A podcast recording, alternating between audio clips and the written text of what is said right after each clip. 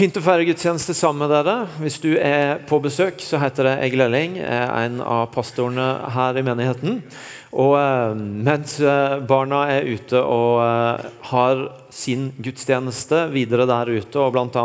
jobber mer med den historien som vi møtte i dramastykket, så skal vi også få bruke noen minutter nå på å kikke inn i en annen bibeltekst. En av de søndagene hvor det er masse godt som skjer. Så jeg skal prøve å ikke dra en av mine lengste taler i dag. Eh, men vi skal bruke litt tid i Guds ord. Eh, jeg har prøvd alt. Har du noen gang sagt det? Eller tenkt det? Eller hørt noen rundt deg si det? Jeg har prøvd alt. Det er jo, Noen av oss har barn hjemme. Jeg har en syvåring som jeg av og til ber, spør, spør meg om hvor noe er. og Så ber jeg han kan du ikke gå sjøl først og prøve å se om du finner det. Og Så kommer han tilbake. 'Nei, jeg har lett overalt.' Ja, 'Ok, jeg skal bli med deg inn på rommet.' Ja, han ligger midt på gulvet der, Elia. Du har lett overalt. eh, Noen av dere andre også som har opplevd det. At det kan være litt ymse hva 'prøvd alt' innebærer. Jeg har også en fireåring som tvert imot ønsker å prøve alt. Som jeg noen ganger har veldig lyst til å hjelpe, eh, fordi jeg ser hvor det bærer. Men så er det dette her elementet av å klare sjøl, som gjør at, eh, at du ikke alltid slipper til, og at du gjerne skulle ønske at en ikke prøvde alt.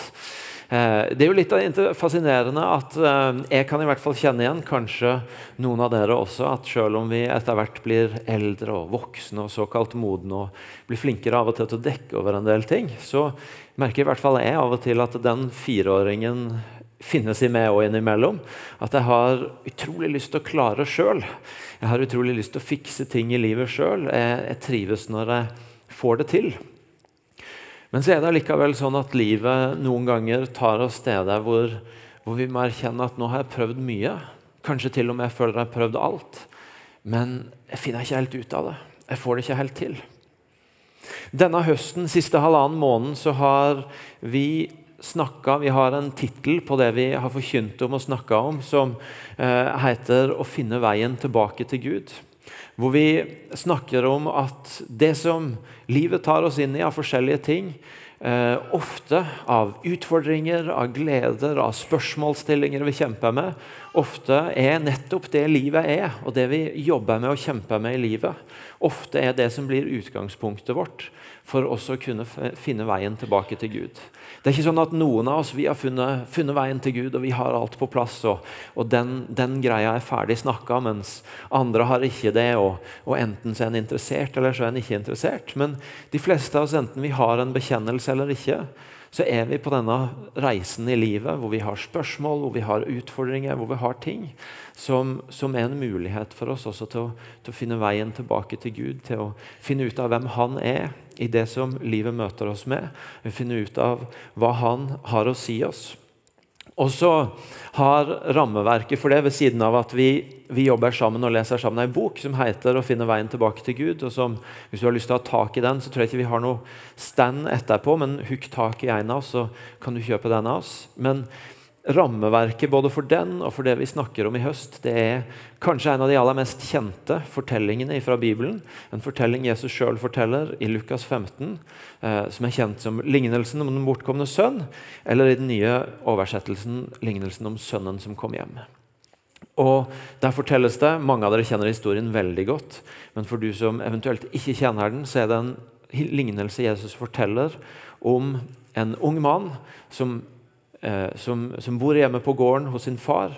og Så ber han en dag om å få arven sin, sånn at han kan reise ut og begynne for seg sjøl. Og så er det en historie om hvordan han reiser langt bort. Han lever et vilt liv, sløser bort alle pengene og ender opp med å ikke ha noe å spise, ikke noe å leve av. Spiser grisemat. Og så begynner reisen hans hjem og tilbake til sin far. Og De siste ukene så har vi først sett på hvordan denne historien forteller oss noe om lengsel om hvordan denne unge mannen på den ene sida stiller spørsmålet har livet noe mer å by på. Og Det fører han bort fra det trygge, det han kjenner, og ut i et liv og en verden som, eh, som sikkert var gøy til å begynne med, men som landa ganske dårlig.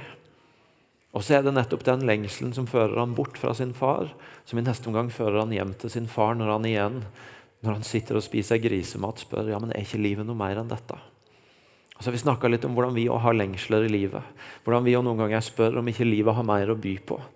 Og hvordan nettopp det spørsmålet kan være et startpunkt for oss til å bevege oss mot Gud, vår far. Og så har vi de siste par ukene snakka om dette med anger, dette med sorg over det livet blei. At noen ganger så, livet, så, så, finner vi at livet blei noe annet enn det vi hadde tenkt og håpt og drømt om. At det kan være en smerte, en skuffelse, en sorg i det som vi trenger å snakke ærlig om. Og som det er en invitasjon fra Gud til å snakke sant om. Og så kan også den ærligheten på det være eh, noe som tar oss mot, tilbake mot Gud.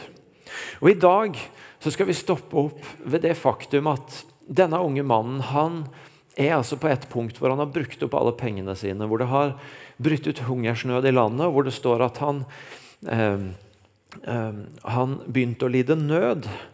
Og Så gikk han og søkte tilhold hos en av innbyggerne der i landet.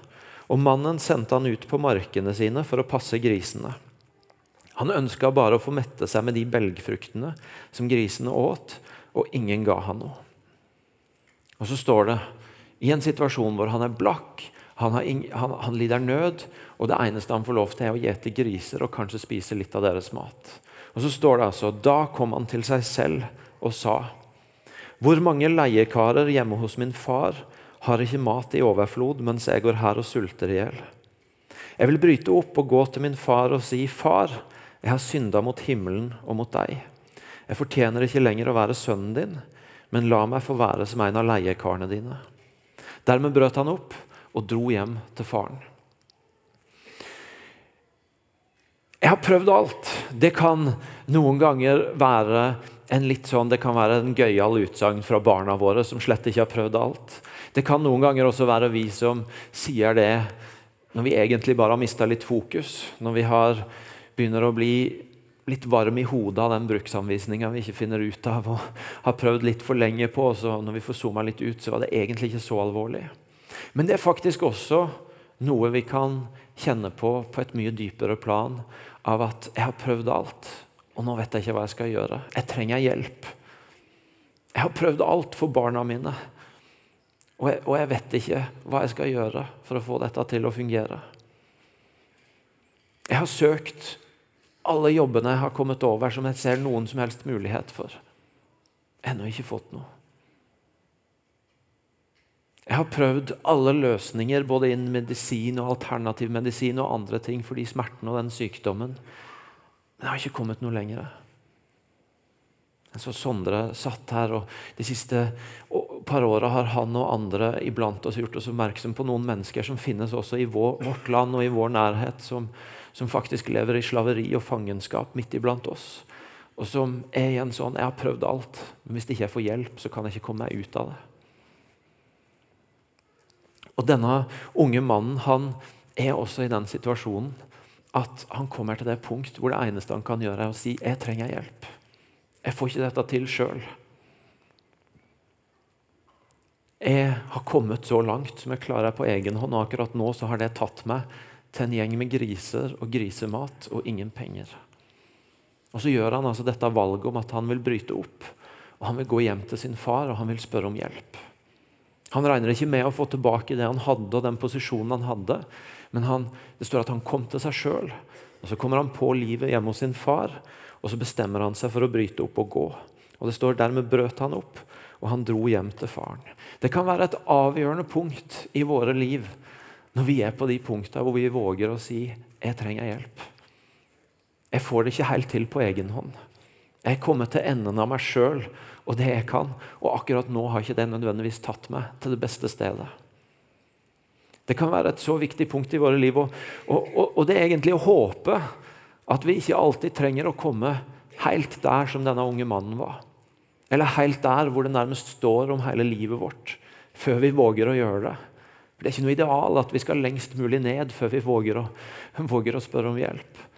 Men dette at vi våger å komme til erkjennelsen at jeg, jeg klarer ikke alt sjøl, akkurat som ikke fireåringen gjør det, det er et avgjørende punkt i vårt liv, og det kan være et av de punktene som får oss til å si søke mot Gud, mot, akkurat som denne sønnen søker jeg mot sin far, og si 'Jeg trenger hjelp. Jeg får ikke alltid livet til sjøl'. Men så er det jo sånn at det som forandrer denne unge mannens liv, er ikke først og fremst at han spør om hjelp, men måten han blir tatt mot på. Det er avgjørende at han våger å be om hjelp. Det er avgjørende at han våger å si 'la meg bryte opp og gå hjem og spørre min far'. Men det som virkelig forandrer livet hans, det er jo måten han blir tatt mot på. Han håper å få nåde til å be om han kan bli leiekar. Men så står det altså at han ennå var langt borte og fikk faren se han, og han fikk inderlig medfølelse med han. Han løp sønnen i møte, kasta seg om halsen på han og kyssa han. Og Sønnen sa, 'Far, jeg har synda mot himmelen og mot du, jeg fortjener ikke lenger å være sønnen din.' Men faren sa til tjenerne, 'Skynd dere, finn fram de fineste klærne, og ta de på han, gi han ring på fingeren og sko på føttene.' Og hent gjøkalven og slakten, så vi vil spise og holde fest. For denne sønnen min var død og er blitt levende. Han var kommet bort og er funnet igjen. Og så begynte festen og gleden. Faren som får inderlig medfølelse med han, som løper imot han, som, som, eh, som lager fest for han. Jeg er sånn over snittet interessert i politikk. Eh, og eh, det betyr at det er gode tider for det er amerikansk valgkamp. Hvis jeg ikke hadde hatt små barn som allikevel av og til holder meg våken, så hadde jeg nok sittet oppe på netten og sett på debatter. Men det har jeg holdt meg for god til. Men følger det ganske tett. Og eh, uten å avsløre for mye om hva jeg, hva jeg mener og ikke mener, så, så, så, kom jeg over en bok av en eh, norsk kommentator jeg liker godt, som heter Frank Rossavik. Som hadde reist til USA for å forstå seg på republikanerne.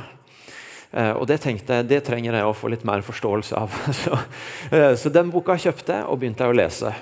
Og Første kapittel der det begynner med at ei, ei, dame skal forklare sitt raseri mot sittende president Obama, som, som er demokrat.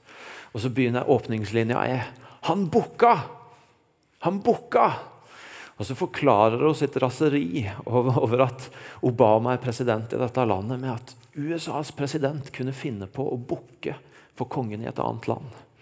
Verdens mektigste mann, vår president, skal jo ikke ydmyke seg sjøl på den måten med å bukke for en annen. Det er jo han som er, som er presidenten, ikke sant?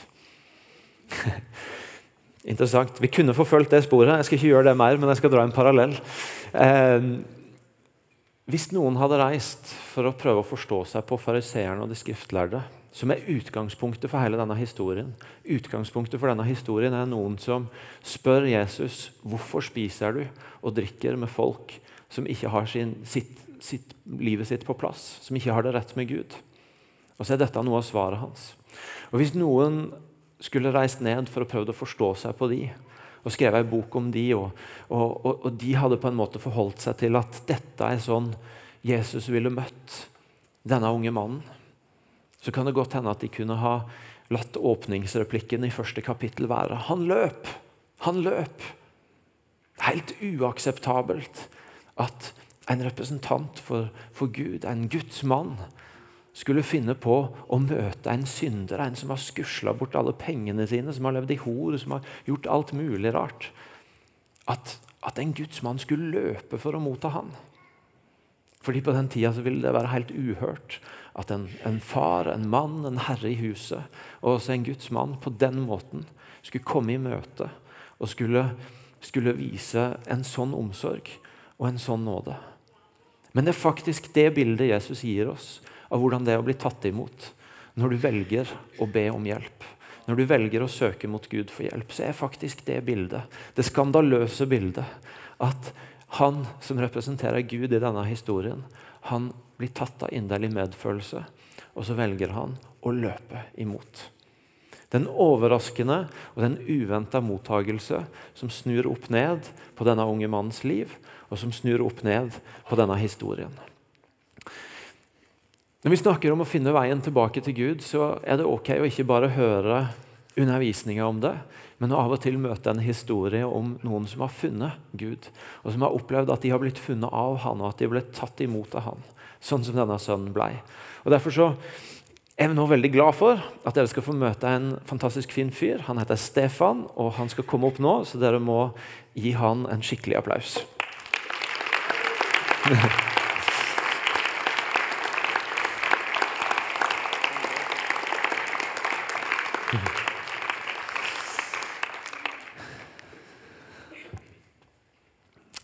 Veldig bra. Hei, Stefan. Hallo. Hei. Du er, vi må bare få det på plass først. Du er ikke fra Stavanger, er du det? Nei, det er jeg ikke. Jeg er fra en liten plass i Nord-Norge som heter Sørreisa. Kult. En ekte nordlending. Veldig bra. Du, eh, nå, nå, er ikke poenget med at du kommer opp nå og, og liksom dra alle paralleller mellom denne unge mannen vi har hørt om her, og ditt liv, for det er ikke nødvendigvis alt som er likt. Men én ting som eh, jeg vet eh, passer inn i noe av det vi har snakka om nå, det er at eh, du har ikke alltid eh, kjent Gud, eh, eller så bekjent en tro på Han. si litt om det, om hva som er bakgrunnen din i forhold til tro. Ja, jeg vokste opp som sagt i en liten plass i eh, Nord-Norge. Det var ikke noe kristent miljø. Det var ikke en kristen familie jeg kom ifra. Hadde ikke noen kristne venner eller relasjoner. Så utgangspunktet ditt var at, eh, at eh, du hadde ingen som nødvendigvis delte noe om tro med deg? Du hadde ingen å nødvendigvis snakke om det med? Nei. Men, men, du har fortalt meg at du allikevel hadde en sånn type nysgjerrighet på dette med tro? Ja, jeg er jo eh, jeg er jo veldig enig i de kristne verdiene og, eh, og det som er rundt eh, kristendommen. Mm. Så jeg har jo satt meg ned og, og, lest Bibelen og undersøkt litt. Mm. For at jeg syns det er et fascinerende tema og mm. spennende. Mm. Så ja. Så, men følte du at det liksom tok deg nærmere Gud? At du tenkte ja, kanskje jeg skal bli kristen? Og som jeg har lest litt og undersøkt litt? Jeg eh, følte egentlig ikke på det. Jeg eh, tenkte at jeg skulle leve sånn som eh, det var. altså følge de ti bud, eller vanlig folkeskikk, som jeg har lært det. Mm. Men jeg trodde aldri at jeg skulle eh, komme til å bli kristen. At jeg skulle få den overbevisning om at eh, Gud finnes.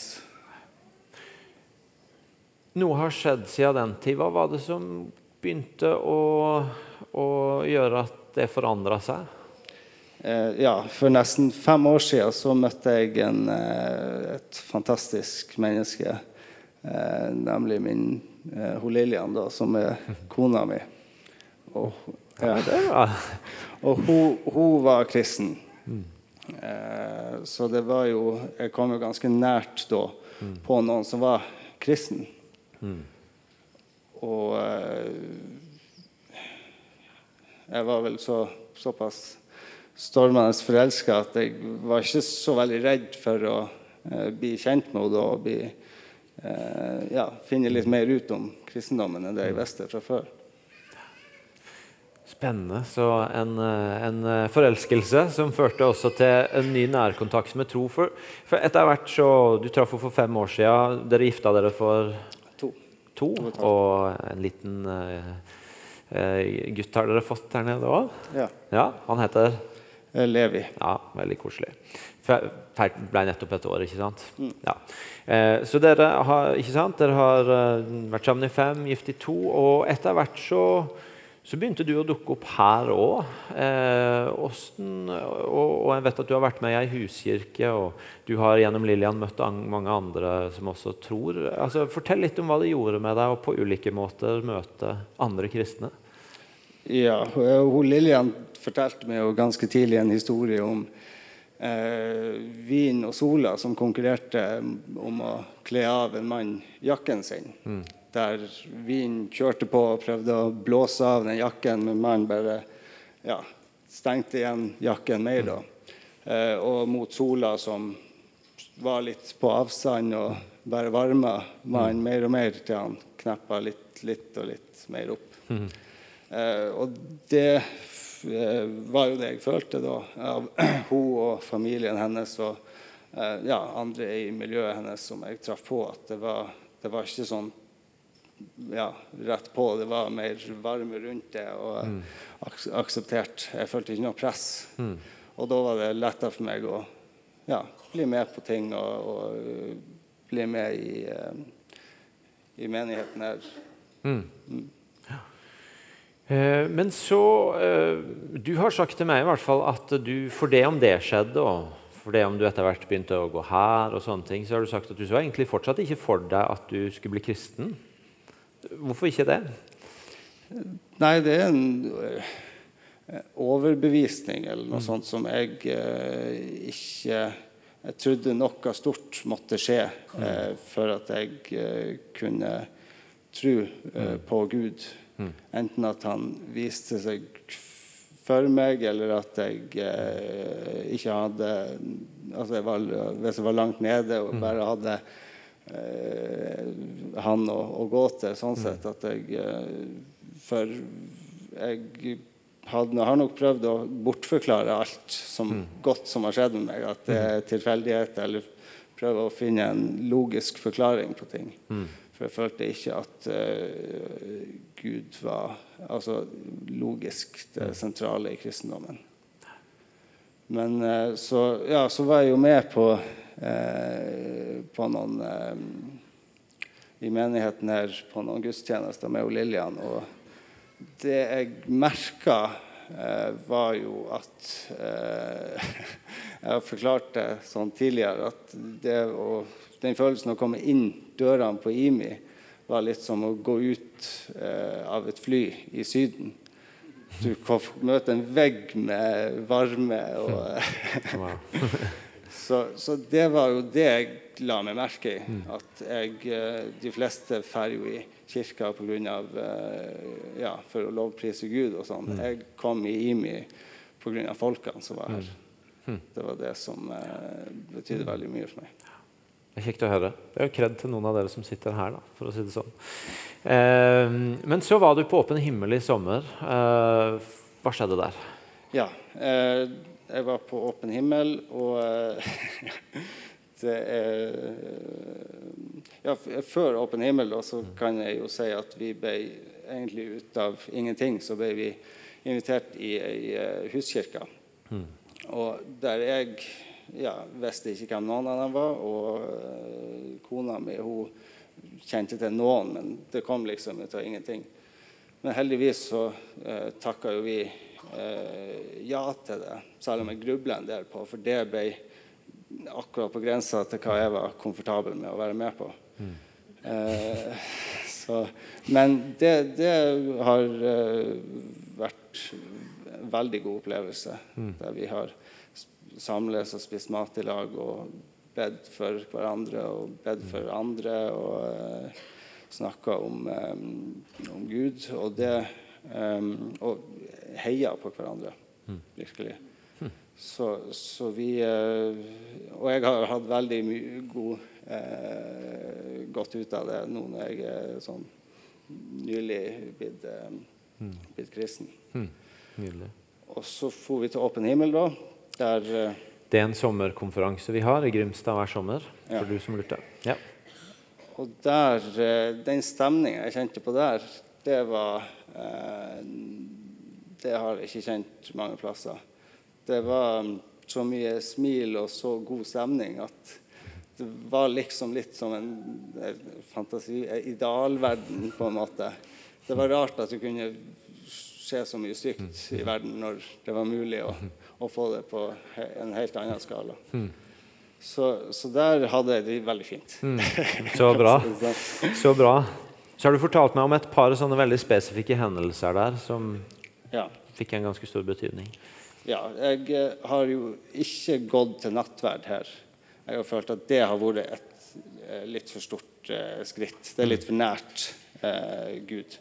Mm. Jeg, eh, altså jeg har ikke trodd på Gud, men jeg har ikke eh, tort å si imot det heller. Eller liksom Jeg, eh, jeg tør ikke å, å, være respektløs, på en måte.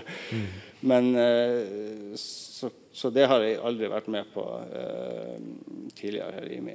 Uh, men på en av de siste dagene så var det, skulle det være nattverd, og da fikk jeg bare for meg at uh, ja, det her skulle jeg være med på. Det var, var rett.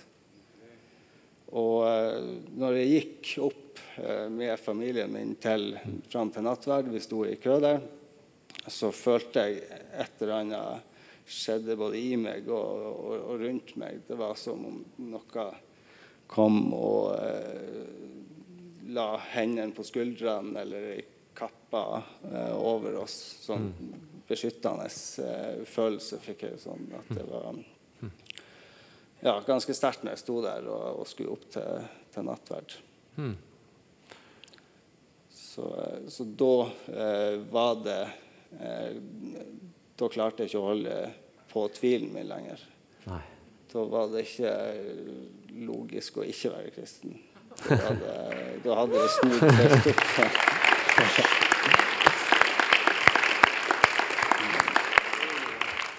Og jeg fikk veldig tidlig et, et av de første gudstjenestene jeg jeg var på. Da tror jeg du forklarte et bilde av Gud som en far da, som eh, går etter deg. Altså Uansett hvilken vei eller sti eller valg du måtte ta. Han går like etter deg, og det er bare å snu. Så, eh, ser, eh, så står Gud like bak deg med åpne armer. Og jeg husker jeg nevnte det. det at eh, det, det, var et veldig fint bilde på Gud. Godt forklarende. Eh, og det, eh, akkurat det samme bildet der tegna noen til meg når jeg på, gikk til profetisk tjeneste der på Åpen himmel. Wow, så du fikk en bekreftelse på det som allerede hadde berørt deg? Ja. ja. Så jeg ja, jeg ble kristen, og så fikk jeg bare toppa det tegnet hele altså. Så bra. Du, eh, hvis jeg husker historien rett, så var det litt sånn eh, Det var ikke sånn at du, eh, du bare løp eh, tilbake igjen til Lillian, for du måtte bare få fortalt dette her?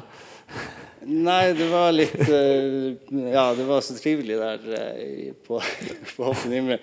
Så vi gikk jo rundt omkring og snakka med absolutt alle. Så traff jeg på noen vi har vært på forberedende ekteskapskurs hos. Mm. Eh, Ole og Solveig Fjermestad. Og de, de, de, har jo betydd veldig mye for meg. Mm. Og, og jeg, eh, ja, jeg eh, åpna meg opp for dem og fortalte det eh, til dem. Eh, og eh, følte liksom den følelsen de ga i retur mm. når jeg sa det, hva det betydde for dem at jeg hadde blitt kristen det tok meg litt uh, på senga. Og, og, ja, det, det, var veldig fint å se at mm. andre kunne få så stor uh, nytte av å høre at jeg hadde kristen. Veldig bra. Uh, så, jeg, ja, så når vi var på vei hjem, da, så fortalte jeg jo her at mm. jeg hadde, til Lillian mm. at jeg hadde fortalt til Ole og dem at jeg var blitt kristen. Ja. Og så snudde hun seg mot meg og bare Å ja, har du blitt kristen?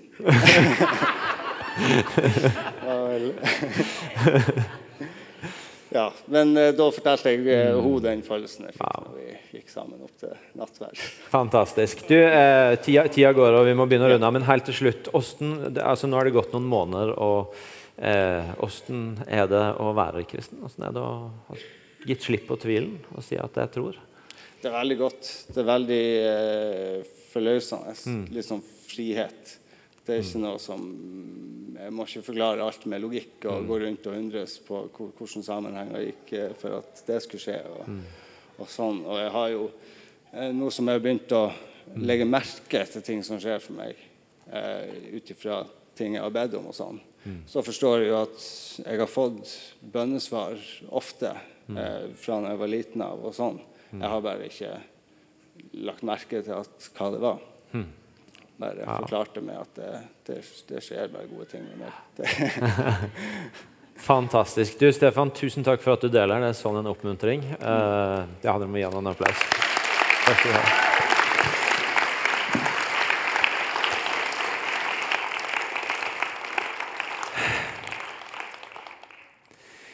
Det er en fantastisk historie, og eh, den står for så vidt godt for seg sjøl. Jeg trenger ikke preike inn i den, men, men dette er tredje gangen i løpet av ei uke jeg hører Stefan fortelle det. og Noe av det som tar meg hver gang, det han sier jeg, jeg trodde ikke det var mulig for meg å bli kristen. Jeg så ikke for meg at jeg kom til å komme til et punkt hvor eh, hvor jeg gir slipp på tvilen, og hvor jeg får den overbevisninga.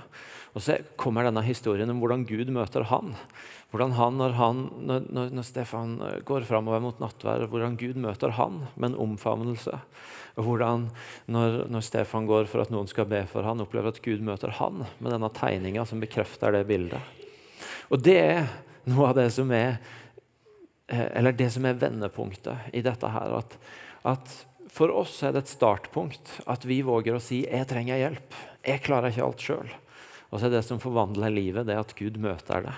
At det er han som kommer i møte med en sånn uventa respons, hvor han kommer mye nærmere, er mye mer tilgjengelig for oss enn det vi kanskje trodde. Han var, han var mer tilgjengelig for Stefan enn det Stefan trodde, og han er mer tilgjengelig for oss enn det vi mange ganger tror. Sønnen tenkte at han skulle prøve å fikse opp. Så han hadde gjort en litt innsats og kommet fra å ha ingen mat til å ha grisemat. Nå var målet hans å gå fra å ha grisemat til å ha ordentlig mat hjemme. Det var hans forsøk på å ordne opp. Men det som forvandler livet hans, er at faren møter hans med en nåde som han ikke har gjort seg fortjent til, som ikke kommer av hans innsats, men som er noe Gud far gir.